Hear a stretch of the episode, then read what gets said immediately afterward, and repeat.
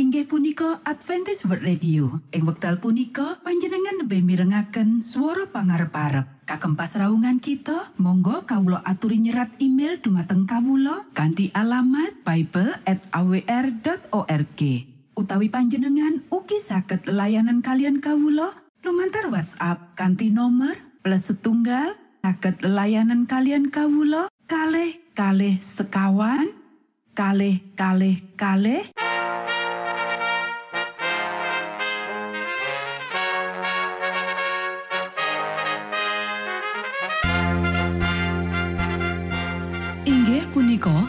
Adventist World Radio ingkang giaran kanthi basa Jawi.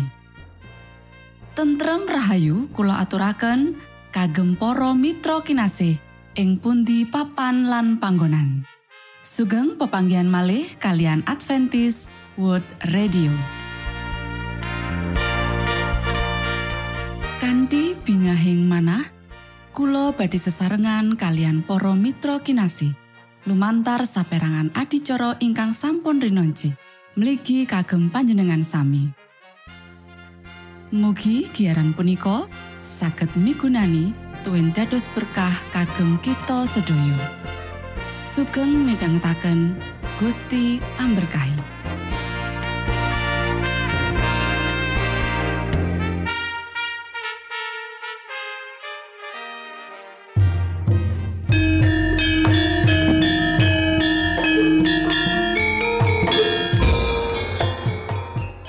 Para pamirsa kinasih ing Gusti Yesus Kristus. Ing wekdal punika kita badhe sesarengan ing adicara ruang kesehatan. Ingkang saestu migunani kagem panjenengan saha kita sami.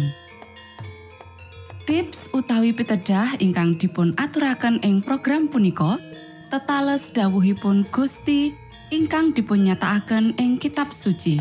Semanten ugi sakehing seratan ingkang dipun wangsitaken dening Gusti Allah.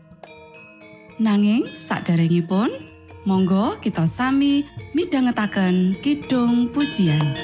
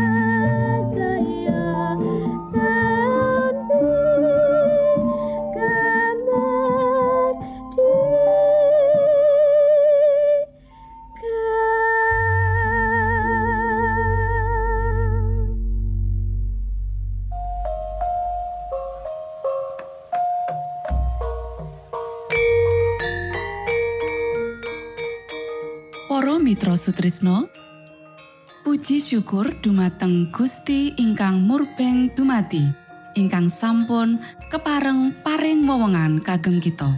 Satemah saged nglajengaken ruang kesehatan. Pirembakan kita semangke kanthi irah-irahan. Diperlokake panegesan tabiat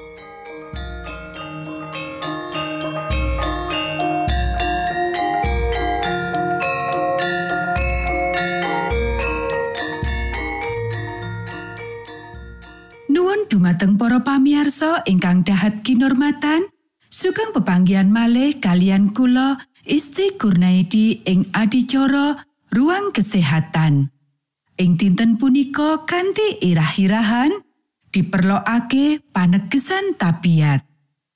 Para sedherek ingkang kinasih, kanggo nyingkur selera, kita mbutuhake pangerten karakter.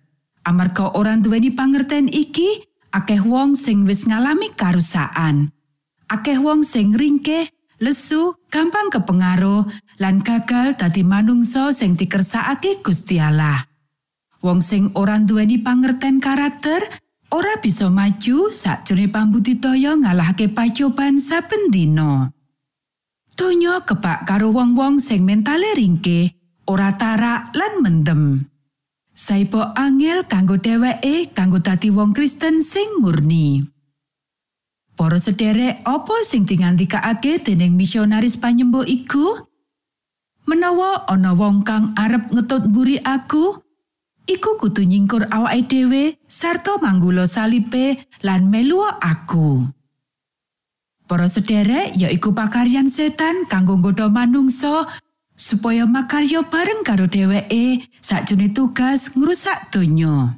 Setan budidaya mimpin wong-wong supaya masrahake diri sawutuhe marang pemanjaan selera lan uga marang hiburan lan kabodohan sing nganti cara alamiah digandrungi manungsa Nanging sabdaning Gusti Allah ora marengake iku kanthi teges. Wong-wong bakal kagolongake dadi abdi-abdine sing makarya kanggo dheweke, kanggo medhotake citra Allah ing sakjroning manungsa. Para sederek, akeh wong kaciret ing sakjroning panggoda panguwasa lan kuwasa. Dheweke dadi abdi selera nganti ngalami kemerosotan moral.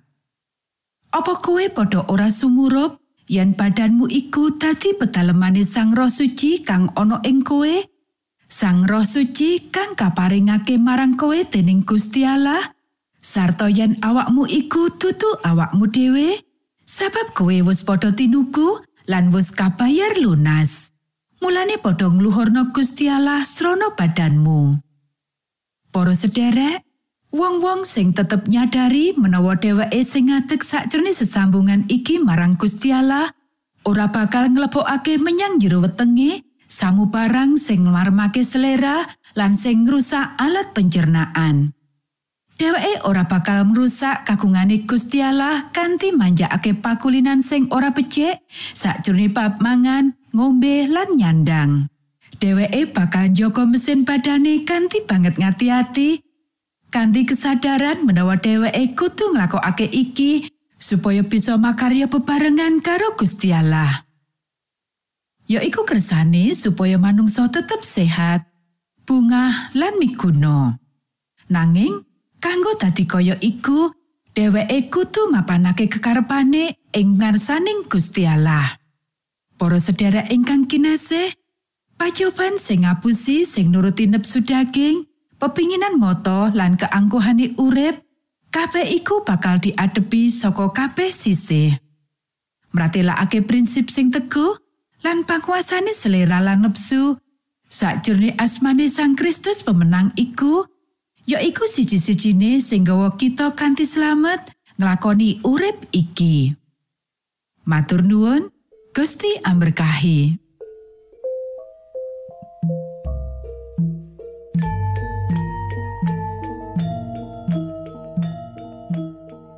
cekap semanten pimbakan ruang kesehatan ing episode dinten punika Ugi sampun kuatos jalaran kita badhe pinanggih malih ing episode sak lajengipun.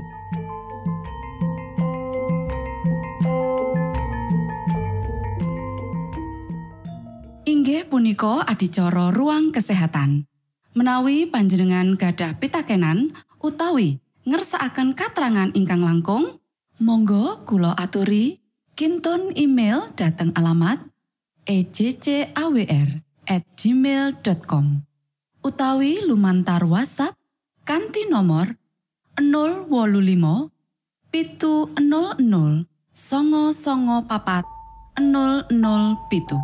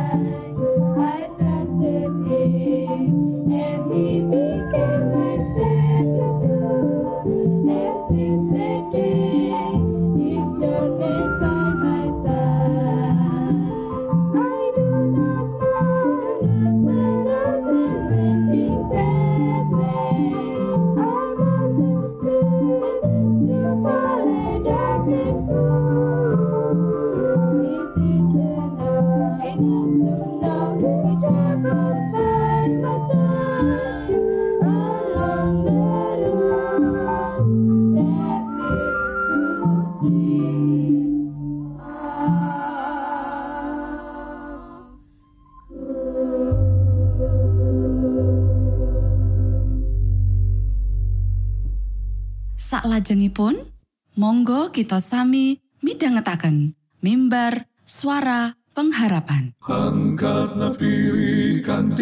Pawarto Sang Kristus paderamu. Pro umat samyo puji asmanyo Sang Kristus paderamu. Inggih punika mimbar suara pengharapan. Ing episode punika kanthi irah-irahan Mugi karso damel resi ing manah kawulo. sugeng midhangetaken. tondo Sang Kristus paderamu ilmu kawero tambah lan tambah Sang Kristus paderamu paderamu paderamu Sang Kristus paderamu Shalom para sedherek ingkang kinasih wonten ing Gusti. Sakmenika kita badhe mitangetaken renungan Sabtu pangantikanipun Gusti. Ing dinten punika kanthi irah-irahan mugi karso tamel resi ing manah kawulo. Para sedherek ingkang kinasih, ayo diwaca kitab Sabur pasal seket siji ayat telu nganti pitu. Gusti Allah mirsani mangisor saka ing swarga marang para anake manungsa. Karso nguningani apa ana kang duwe budi lan kang upaya marang Gusti Allah. Kabeh wis padha nyimpang, kabeh wis padha bubrah. Ora ana kang gawe becik, siji bae ora ana. Para wong kang lakoni piolo iku apa orang ngrumangsani? Yen padha memangan marang umat ingsun kanthi entek kaya mangan roti lan ora nyebut marang asmani Gusti Allah? Ana ing kono padha ketaman ing pagiris. Sanadyan ora ana kang marakake giris. Amarga Gusti Allah nyebar balung-balunge wong kang padha ngepung kowe wong iku bakal padha kawirangake amarga wis padha katampik dening Gusti Allah Muga-muga pangentasane Israel tekawa saka ing kutha Sion menawa Gusti Allah maloyakake kaanane umate maneh. Yakub bakal surak-surak, Israel bakal bungah-bungah. Para sedherek ingkang kinasih, Sang Prabu Dawud ngesokake isining atine ing ngarsaning Gusti Allah. Nyenyuwun pangapunten dosa nalika ing wayah-wayah paling peteng karo hanene ing panguripane. Kita bisa maca ing kitab loro Samuel pasal rolas. Pangapura iku peparing sih rahmat saka Gusti Allah kang ngitapi-tapi asil saka sih kadarmane kang agung. Kita bisa maca ing Sabur pasal seket siji ayat telu. Sang Prabu Dawud nyenyuwun marang Gusti Allah kanggo tumindak ora miturut dosane. Kita bisa maca ing kitab Sabur pasal 103 ayat 10 nanging miturut sifat ilahi yaiku sih piwelase sih susetyo lan welas asih. Sabur pasal seket siji ayat telu pangentasan pasal telung papat ayat 6 lan pitu. Para sederek ingkang kinasih pangapuraning Gusti Allah kalebu luwih saka mung pranyatan ora luput secara angger-angger Babakan iki bakal nuwuhake owah-owahan gedhe sing tekan bagian paling jero saka manungsa. Kita bisa maca ing kitab Sabur pasal seket siji ayat wolu, Ibrani pasal papat ayat rolas. Pangapuraning Allah nuwuhake titah kang anyar. Sabur pasal seket siji ayat rolas, Yohanan pasal telu ayat telu nganti wolu.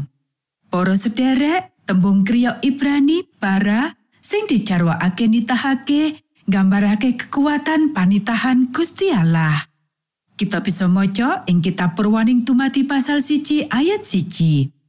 Amung Gusti Allah kang bisa bara. Mung Gusti Allah kang bisa nuwuhake owah-owahan kang radikal lan langgeng jroning atine wong kang mratobat. Loro Korinta pasal papat ayat 6. Sang Prabu Dawud nyuwun pasucen kanthi hisop. Kita bisa maca ing Kaimanan pasal 14 ayat loro nganti wolu lan Sabur pasal seket siji ayat songo. Sang Prabu Daud ngurmangsani yen kaluputane kuwi ndadekake piyambake ora pantes ing ngarsaning Gusti Allah kaya dene manungsa kang nandang kusta dibuang saka kumpulane salawase kahanan najis. Kita bisa maca ing kitab Sabur pasal seket siji ayat telulas. Sang Prabu Daud duweni rasa keweten yen pangurbanan ora bisa mulihake piyambake sakwutuhe awet ora ana pangurbanan kang bisa nebus dosa laku Cina lan mateni kang karantam sadurunge. Kita bisa maca ing pangentasan pasal selikur ayat 14 lan kaimanan pasal rong puluh ayat 10. Para sedherek ingkang kinasih, among sih palimir maning Gusti Allah kang tanpa syarat kang bisa nampa ati kang remuk lan kebak ketuwung saka Sang Prabu Dawud minangka pangurbanan kang bisa balekake Sang Prabu Dawud jroning rumaket karo Gusti Allah. Sabur pasal seket siji ayat wolulas lan songolas. Kanti nyuwun kasucen kanthi hisop, Sang Prabu Dawud pengen balik menyang ngarsaning Sang Yahwa Allah. Monggo kita sami ndedonga. Duh Rama kawula ingkang wonten ing swarga, asma patuko mugi kasucikaken. Kraton patuko mugi rawuh, karsa patuko mugi kalampahan wonten ing bumi, kados dene wonten ing swarga. Kawula mugi kaparingan rejeki kawula sak cekapipun ing dinten punika. Saha patuko mugi ngapunten kalepatan kawula, kados dene kawula inggih ngapunteni tetiang ingkang kalepatan dhateng kawula. Punapa dene kawula mugi sampun ngantos katantokaken dhateng ing panggoda nanging mugi sami patuko uwalaken saking piawon. Awit dene patuko ingkang kagungan kraton saha wisesa tuwin kamulyan salami laminipun. Amin.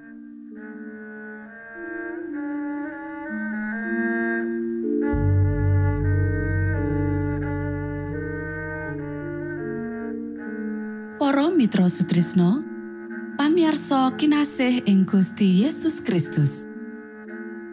Sampun paripurno pasamuan kita ing dinten punika. Menawi panjenengan gadah pitakenan utawi ngersaakan seri pelajaran Alkitab suara nubuatan Monggo Kulo aturi kintun email dateng alamat ejcawr gmail.com utawi lumantar WhatsApp kanti nomor 025 pitu 00 songo songo papat 00 pitu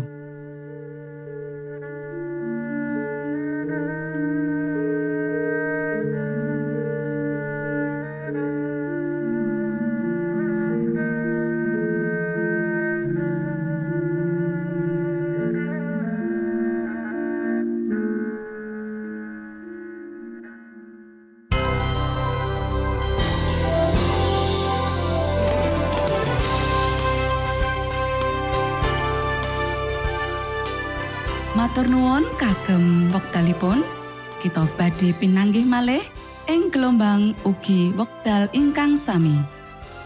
Saking studio kula ngaturaken tentrem rahayu. Gusti amberkahi kita sedoyo Maranata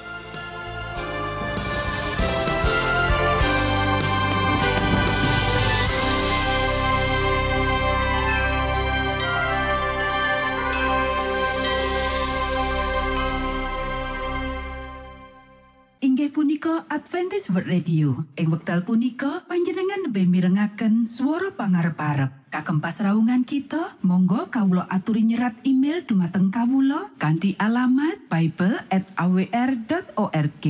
Utawi panjenengan ugi saged layanan kalian kawula lumantar WhatsApp kanthi nomor plus setunggal saged layanan kalian kawula kalih kalih sekawan kalih kalih kalih